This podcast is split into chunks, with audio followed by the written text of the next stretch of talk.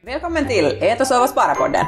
En podd som finns till för att inspirera och göra privatekonomi och sparande roligt. Jag heter Ronja. Och jag heter Ida. Nu kör vi! Välkommen till Ät och sova spara-podden. Idag sitter vi i studion och vi har med oss en gäst för att vi har ju lovat Ida att den här säsongen ska vara full av inspirerande gäster. Och den här gästen har jag själv längta och vänta på. Vi har redan för över ett år sedan har vi pratat första gången med Bettina Rönnblad att vi ska göra ett gemensamt poddavsnitt. Och nu sitter du äntligen här. Välkommen Bettan! Tack, tack, tack, tack, tack, tack. Jättetrevligt att vi äntligen fick dig hit till vår podd. Det ska bli superintressant att lyssna på din story. Vi måste ju så här kanske avslöja direkt så här att jag och Bettan, vi är så här, vi, vi, har liksom, vi, vi tycker båda om äh, så här män från samma släkt. ja. så, så, så känner vi också. Men hej, vem är du Bettan? Berätta lite om dig själv. Jag är Bettina Rennblad, nyss fyllda 37 år, trodde att jag fyllt 36, men det var 37. Jag bor i Ekenäs och jag driver Go Padel.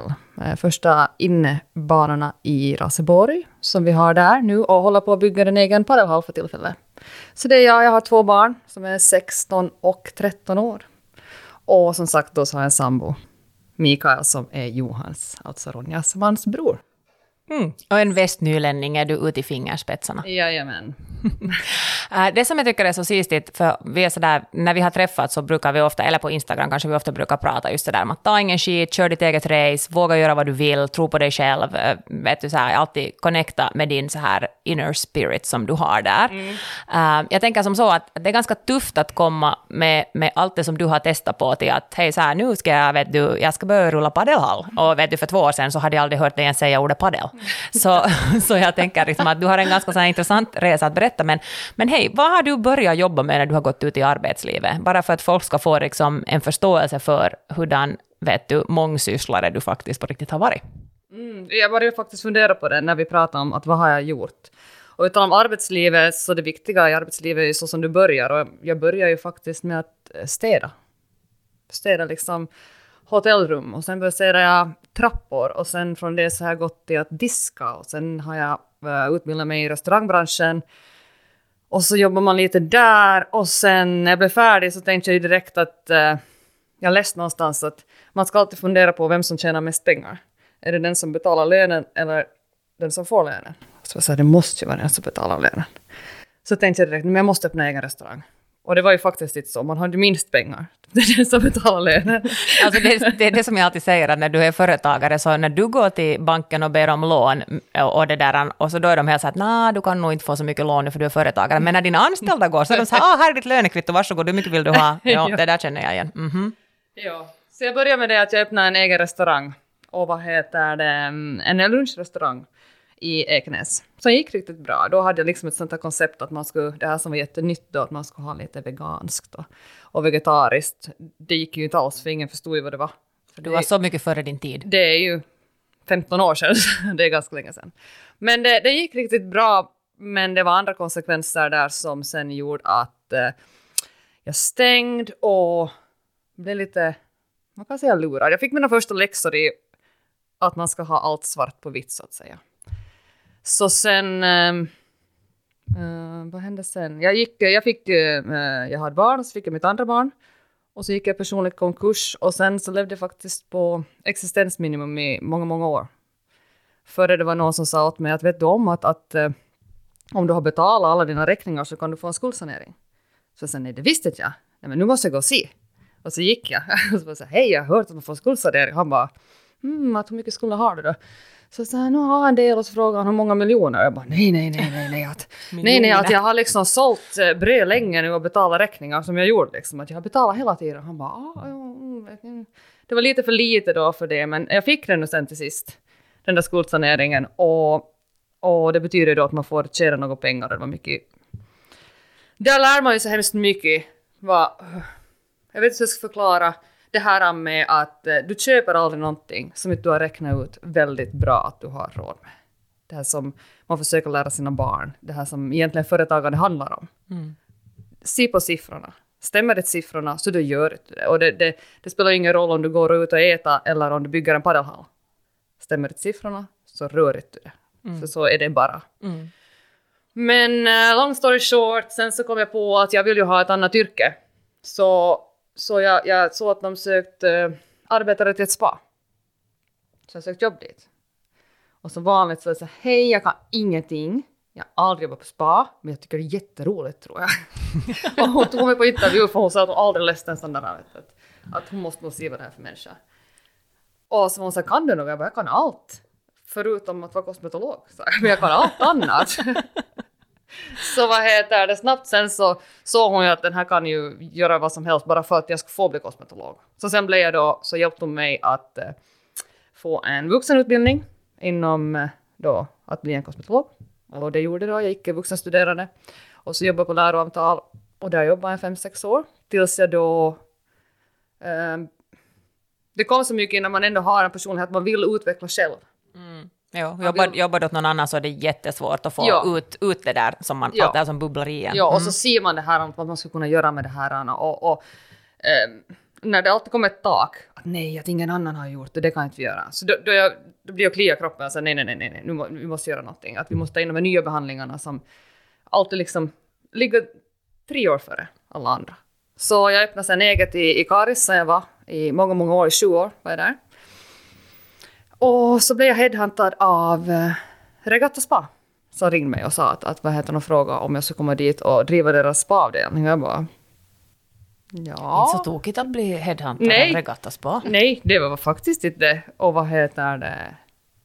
Jag förstod kanske inte så stort det projektet var. Det kan jag erkänna. Att jag, det, var- det var väldigt mycket mer än vad jag någonsin har kunnat tro. Men jag lärde mig hemskt mycket. Jag var där i två år och vi var med och startade hela spa och byggde upp konceptet och faktiskt eh, gjorde allt från bottne, liksom bottna upp.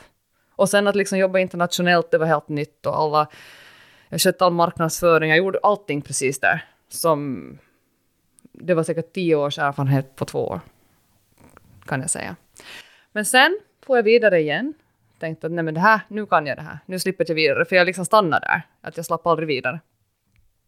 Så tänkte jag det är ju bättre att vi kör någonting då. Att jag kan ju vara ledig jag. Var led, det var inte så länge ledig sen. Jag skulle säga sådär, jag ser, jag ser inte riktigt det där att säga hej Bettan, jag tänker sitta här och ta det lugnt. Jo, jag skulle ta det lugnt, det var min plan. Och vad heter det? Det är, som, det är väldigt mycket vad liksom har gått här med de här stora grejerna. Sen så får vi vidare till att eh, de frågar jag kommer och jobbar på en restaurang i Ekenäs, alltså fyren. Så jag säger, men det kan jag göra. Så, för det kan jag ju. Det är ju min första yrke, så jag får tillbaka till det första. Det var lite som att jag landade och så, att okej, vi ska se. Och det var väldigt trevligt igen att, att bara få en lön och inte fundera och jobba. Nå, Var inte det här typ före corona just precis? Ish. Det var Ja. typ före, kor- före corona va? Före corona, ja. För att sen så, så, så, vad heter det, så startade ni ju en podd då. Och jag började lyssna att man ska investera i lägenheter. så, så jag ska investera i lägenheter. ja, ja men. In på ett år så söker vi lägenheter. Och, och Micke som vanligt, han var nog helt med. Okej, vi söker.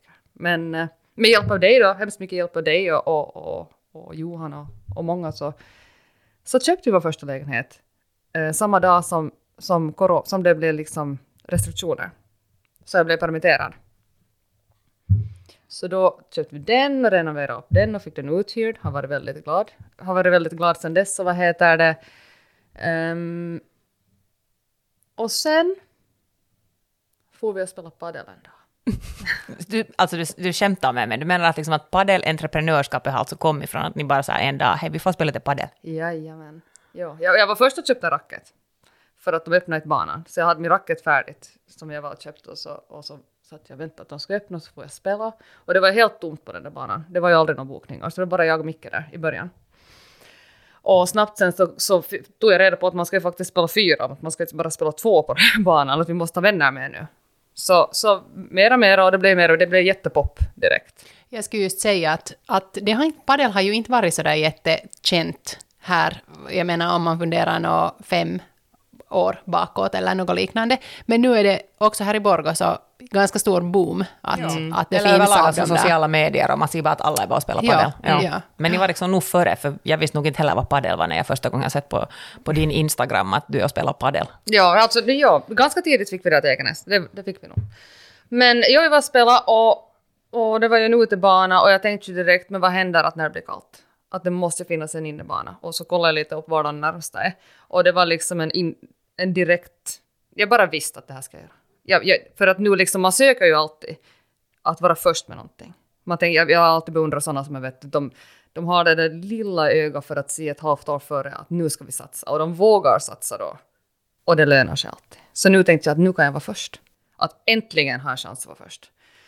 Så det var där det startade. Och sen som allting som man gör i livet, du tar ett steg efter det andra. Och så går du och prövar. Du går till banken och frågar. Och som vanligt gick man, och alla sa ju nej. Och, och förstod inte ens, ju, de visste inte heller vad padel var. Så sen till sist så träffade jag en bank som faktiskt hade, de hade spelat padel där. Så, de var så här, då visste de, var så här, okej, okay. så då hade vi en början på det här, att hur ska vi göra det här? Men det här är ju samma sak Ronja som du alltid säger, att så länge som du pratar med en sån bankperson som inte har en aning om och förstår inte den där idén bakom att eh, liksom hyresbostäder, hyreslägenheter, så är det liksom jättesvårt för att de sätter inte värde på det, det där hela konceptet egentligen. Så samma sak säkert just med det där att, att flera gånger säger de nä och nä och nä och, och sen hittar man då den där ena personen som då har spelat padel och också tycker om det. Mm. Och det är ju lite tråkigt att det ska gå så här, för att sen kan det ju vara de som inte fortsätter att gå den där bankrundan. Att de, om de har fått tre gånger nej, så fast den där fjärde skulle vara hon som har spelat, eller han som har spa, spelat padel, så kan det vara att det aldrig blir av de här mm. fina, stora projekten. Och det är just det att det, krävs en viss sorts människa för att orka fortsätta. Att det, Definitivt. Det är precis det. Att, och sen liksom att inte ge upp och se att okej, okay, jag fick nej där och faktiskt fundera på varför fick jag ett nej. Mm. Ja, och vad kan jag göra bättre? Men jag vill fråga, vad sa alla era vänner och bekanta, liksom, vet du, när ni var så att hej, vi ska starta innepadel? Alltså, de säger ingenting mer om mig. Det, det, nej. Jag har, jag har en bror som hjälper mig vått och torrt. Han, han suckar och han, han varje gång säger han nej, jag kommer inte att hjälpa. För jag ens har liksom förklarat färdigt. Men han är nog alltid där sen med, men de är sådär att det finns ju ingen annan än du som ska hitta på det här. Att va? Och sen så tror inte någon riktigt på mina idéer, för jag har ju, om jag gör fem idéer så har jag ju 500 idéer som jag skulle vilja göra.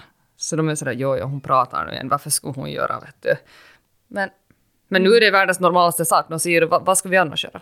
Ja, vad skulle ni annars göra än ha GoPaddle? Mm, mm. Precis. Okej, okay, så ni, ni, liksom, ni fick det där lånet uh, och, och, vad hände sen? Vad, vad, liksom, hur, hur kommer vi vidare när vi har fått ett lån för att finansiera? Liksom, byggde ni, köpte ni, hyrde ni? Liksom, vart satte ni upp planer? No, det, eh, ja, vi fick lånet till banorna och sen var det ju att vart ska vi sätta de här banorna, måste man ju se då. Och problemet med padel är att man behöver en väldigt hög hall, vilket det inte finns sådär normalt sett, i alla fall inte i Raseborg finns det. Så vi sökte då... Eh, är det, det här är nu den, den situationen, eller det, det tillfälle var man tar fram sin telefon och man snabbt googlar att hur hurdant är det där padel mm. egentligen ja, med hög hall och sådär. Ja, ja. Vet, du, att, vet du, nu paus och sen snabbt Google eller YouTube och sen så... Hur ser det ut? Hur ser det att vara stor och hög hall? Okej, okay? ja, fortsätt, tack. True story. ja, för sen så kom det sådana saker att man så uh, sakta men säkert, ah, det är ju kriterier och, och, vissa kriterier för att få hålla tävlingar och, och liknande, hur höga de hallarna ska vara. Eh, sen, för att man har ett visst kontaktnät så, så fick man liksom, man gick och såg på olika, de flesta var för låga, men så fick vi hyra en hall på ett sånt villkor att vi får också liksom häva avtalet när vi vill. För planen var ju hela tiden att vi ska bygga vår egen hall, men man måste ju vara först. För att annars kommer det någon annan. Kanske ja, att kanske få kunderna in liksom och, ja. få, och liksom, eller också jag tänker att det är ju jättesmart när du pratade tidigare om att man ska kolla att siffrorna fungerar och sånt, mm. så det är ju en jättesmart plan det där att få folk intresserade före du liksom tar det där stora banklånet mm. och investerar i din egen hall så att säga. Jo, så, så det var ju ja. jätte, businessmässigt så låter det ju liksom helt otroligt smart. Mm. Okej, okay, så ni hittade en hall? Ni... Ja, vi hittade en hall som vi fick hyra, sätta in då en, en liksom dubbelbana och en singel, så börja med det minsta möjliga egentligen, utav båda. Och började där med en dubbel och en singel för att se då hur det går. Och vi öppnade dörrarna och det var ju en enorm succé från början. Ja, och det tog mig lite med storm för jag har gjort, eh, har ju haft flera företag och man har ju eh, kämpat alltid ensam som egenföretagare. Nu är det ett aktiebolag som jag rekommenderar varmt till alla dock att öppna om de vill bli företagare. Eh, och vad heter det, snabbt så såg man ju okej, okay, det här kommer att gå bra. Så en vecka efter att vi hade öppnat i, i den här nuvarande hallen Så då gick vi till banken igen och frågade hur ska vi gå tillväga för att bygga vår hall. Att liksom nu, nu fortsätter vi på våra affärsplan, att nu, nu ser vi att det här kommer att bära frukt. Alltså jag hör att Bettan, du har samma problem som jag. Du förstår inte att stanna upp och fira, utan du bara liksom pressar på nästa. Nej men om man har en långsiktig plan, så då måste man följa det. Men det är också ganska tungt att folk kanske tror vet, att åh, hon bara far vidare, hon far vidare. Men det är inte så. Jag skulle ha velat satt ner mig och andas, för att man har jobbat så hårt. Men man säger det går inte, för att vi måste följa det här för att nå det här slutet som vi ser dit långt framme, som vi sen ska njuta av. Lite så. Okej, och vad säger banken då? Eh, då var de, eh, eh, banken sa att absolut, är ni säkra? Hur? Har ni någon plan? Jag var sådär, ja, ja men det har jag. Jag återkommer. Jag egentligen får dit för att jag, jag tänkt kanske att det skulle vara mera motstånd. Men nu ser jag ju tillbaka att de såg ju att vi hade gjort exakt det vi sa från början. Vi hade visat exakt de siffrorna. Vi hade eh, gått exakt enligt den affärsplanen. Jag lämnade inte bort någonting, utan jag, jag gjorde allting som jag sa. Så jag ser nu att det är det som gjorde att de också vågade tro på oss sen. Mm, alltså ni, ni höll liksom det som ni hade räknat och, och det som ni hade planerat. Och, det är ju, och jag tänker just sådär, jag pratar jättevarmt just för det att bygga en relation med den där egna banken. Att man har en bank som, som lär känna en och som man helt enkelt på det väget också kan liksom jobba helt på ett annat sätt. Och, och det där är ju det bästa sättet att börja by- bygga en långvarig relation, det här att man gör första och, och det lyckas. Jo, och våga, våga, vara, våga vara mänsklig. Våga säga att vitsi, vi tjänar inte pengar på det här heller som jag trodde, men jag har nu testat det här istället. Att inte gå in och försöka få en glansig yta på det där och inte liksom säga hur det egentligen ligger till, fast det då skulle kanske vara sämre än vad man har trott. Att till exempel sommaren för oss så var en helt överraskning att vi hade så lite som vi hade. Plus att det kom ju corona, vi hamnade stänga ner. Men då måste man gå dit och säga okej, siffrorna är så här nu. Precis, och jag kan tänka mig att det var inte säkert så hemskt många som spelade inne någonting, eller idrott överhuvudtaget inne Nej. i plus 37, liksom. Jag menar, vad hade vi, 36 här hemma hos oss, alltså det var helt hemskt. Ja, det var inte så många. Nej, nej men att, att våga vara mänsklig, det, det är det. Att fast man är företagare och, och försöker få de där lånen så tror jag det är ändå bättre att vara ärlig i alla lägen. Hur det egentligen ligger till. Okej, och var står ni idag nu då? Idag står vi med att vi har eh, markarbete färdigt och vår hall kommer i nästa vecka. Wow! Mm, mm. Jag får kalla kårar. Jättefint. Wow. Så snyggt. Ja. Jag körde nog där förbi och, och liksom hamnade faktiskt eh, liksom se åt andra sidan emellan för att vara såhär, nej herregud vad håller jag på med? Att man, man, ska, man ska också, jag är väldigt humble också över vad, man, vad jag gör. Att det är inte bara så här att jag tänker att oj, oj, jag är klar bygger att bygga hallar. Att det liksom för mig är det jättestort. Att det är så, är det sant? Mm. Men jag tycker det som, det som jag tycker är så fint med dig också, det är att, att du, är, du är jätteduktig på att hitta lösningar. Jag kommer ihåg vi pratade om något det var någonting om några lägenheter och så var du helt så här att ja, ja, men jag har fyra lavoarer och tre kranar och, och vet du, fem skåp där i mitt förråd i ett skjul. Och jag bara så här, varför det? Då för man vet aldrig om man skaffar flera lägenheter där man kan behöva vet du, fem lavoarer och tre kranar och fyra skåp. Jag bara, Bettan, va? Så är det här något sånt här som, som liksom att, att jag tänker att du är, du är ofta jätteförberedd och det finns liksom ingenting som man kan behöva som du inte skulle ha i dina förråd, så Nej. att säga. Vet du, att jag menar, ni gjorde också en helt sjuklig renovering. Alltså, jag menar, kommer du ihåg siffrorna för er renovering som ni gjorde i er, lägenhet, er första investeringslägenhet? Det var ju helt babypengar som ni använde till den. 480 euro. Exakt. Alltså förstår du, Ida? 480 euro. Näpp. Och vänta nu, vi hade den värderingen, den ökade med, tror jag med, med 6 000 euro. Ja. Något sånt. 480 euro. Puff. Mm. Jag kan inte förstå. Och då var det just så här att Bettan rev fram vet du, från sitt skåp och sitt förråd, vet du, gamla kranar och lavoarer som hon hade fått av folk, vet du, som folk har bara tänkt slänga bort och hon är bara åh, potential. Ronja, försöker du här äh, på något vis liksom övertyga mig om det att vi också ska skaffa en, en Ja, ja. investeringsbostad och bara så där vet du, bara lite rempa och sen Öka vips, lite värde. Ja, öka alltså, vi, har, värde. vi har skämtat med flickan att vi borde köpa en till bolaget. Men, nej, men jag tycker att det här är ju också någonting som, som vet du, att du har ett sådant företagarsinne och jag tror att det där är någonting som är jätteviktigt. Att många saker kan du lära dig som företagare. Du kan läsa in dig på bokföring och du kan läsa in dig på marknadsföringsstrategier och du kan läsa in dig på hur du liksom bygger relationer. Men, men du behöver ha det där drivet och du behöver ha det där företagartankesättet på något vis för att det faktiskt ska bli till någonting. Mm, ja, ja och det stämmer. Och sen att eh, om det är någonting jag avskyr så är det att när man har ett... Eh, någon kommer till mig med ett problem Och jag står alltid och väntar. Ja, men lösningen. Det finns de som har bara problemet och så är de tysta. Och jag är den, okej, okay, vi har ett problem, men det finns ju säkert fem olika lösningar om vi nu funderar lite. Att där är det stora skillnaden, för att problem kommer, Då kommer motgångar och du kommer att misslyckas. Men är det hela världen att man misslyckas? Nej, det är ju inte. Nej. Nej. Och det tycker jag också är, är någonting som, som man hoppas att, att människor faktiskt stannar upp och faktiskt lyssnar på det där, att det är inte hela världen om man misslyckas. Och oftast kommer de där bästa lärdomarna också, tänker jag, eller åtminstone jag har lärt mig jättemycket av mina så kallade misslyckanden, och därför tycker inte jag att de är så kallade misslyckanden heller, utan de är bara en, en, liksom en del av resan, en del av den där vägen som jag har gjort för att jag står där som jag står idag. Um, och, och, man får liksom ta med den där frukten som det kommer av det liksom till nästa projekt eller nästa sak som du gör. Att jag tror att knappast skulle er paddel, Go padel liksom i, i Ekenäs ha varit en sån dundersuccé om inte du redan skulle ha gjort dina hemläxor så att säga med de tidigare företagen och också de tidigare jobben du hade varit på.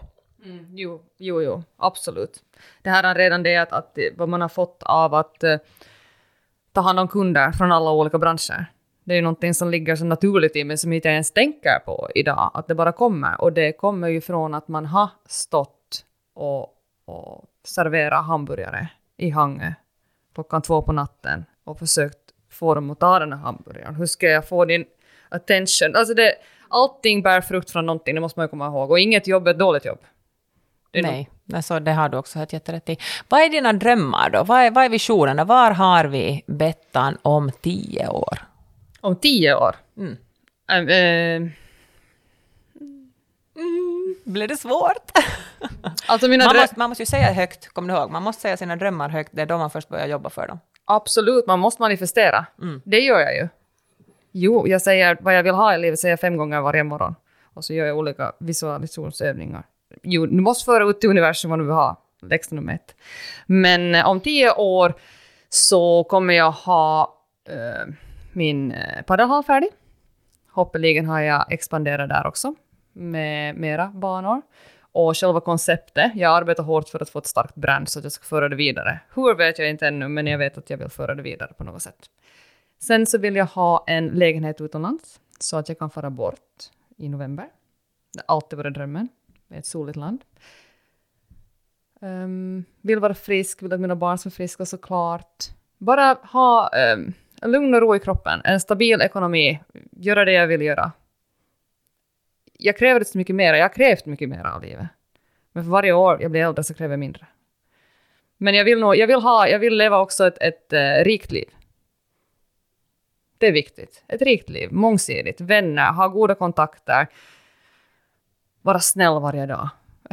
det, är liksom, det låter så naivt, men det, det är så. Jag tycker det låter så ljuvligt och jag tycker det låter som att du verkligen också har tänkt på de sakerna som, som du drömmer och som du vill i framtiden uppnå. Mm. Ja, mm, vi har så kalla kårar över den där energin och den där styrkan och, och sån där, um, vad heter det månne på svenska, sådana määrätietoisuus. Med målmedvetenhet. Ja, sån som liksom det bara kommer sån där energi ut från dig och ja, Mm. För jag är just den som är den där som inte vågar och vet, du kommer med det där problemet och sådär. Jag kanske har en lösning men jag är inte säker att kommer det att lyckas så det är bara bättre att hålla tyst. Vet typ. Mm. Um, och det är det som vi så hundra gånger har pratat med Ronja om. Mm, så det här var nog jätte, jätte, jätte lärorikt och inspirerande att vara här och lyssna. No, om man, Bettan, vill, vill ta kontakt med dig nu eller vill följa din resa, så var hittar man dig? Hur får man tag på dig? Finns du någonstans på något Sommen? Finns det ett företag på Somme? Hur, hur, liksom, hur kan man följa din UGG-resa? Hör du på, på grammet, Instagrammet, där finns det, det finns Bettan Bett. Och skulle någon skriva till mig skulle jag ju faktiskt bli ett, förvånad. Två, väldigt glad. Så skriv till mig, tänker jag. Och sen GoPaddle hittar ni på GoPaddle med tre O, alltså GoPaddle. Där är hemsidan också samma. Eh, www.goPadel.fi. www.gopaddle.fi. Så där, och Facebook såklart. Okej, där hörde ni, hörni. Jag tycker definitivt att ni ska skicka iväg lite kärlek åt Bettan. Det tycker jag med. Absolut. Mera kärlek åt folket, det behövs. Hej, tusen tack att du kom och gästa vår podcast. Vi ska sitta ner och äta lunch tillsammans ännu och, och liksom mysa en stund här i jag tänkte säga så här novembermörkret, men det är ju faktiskt först oktobermörker. Men, men det där, ni förstår min poäng. Tusen tack att du kom, Bettan. Det var så roligt att få med dig Tack till för att du podden. fick komma. Tack massor.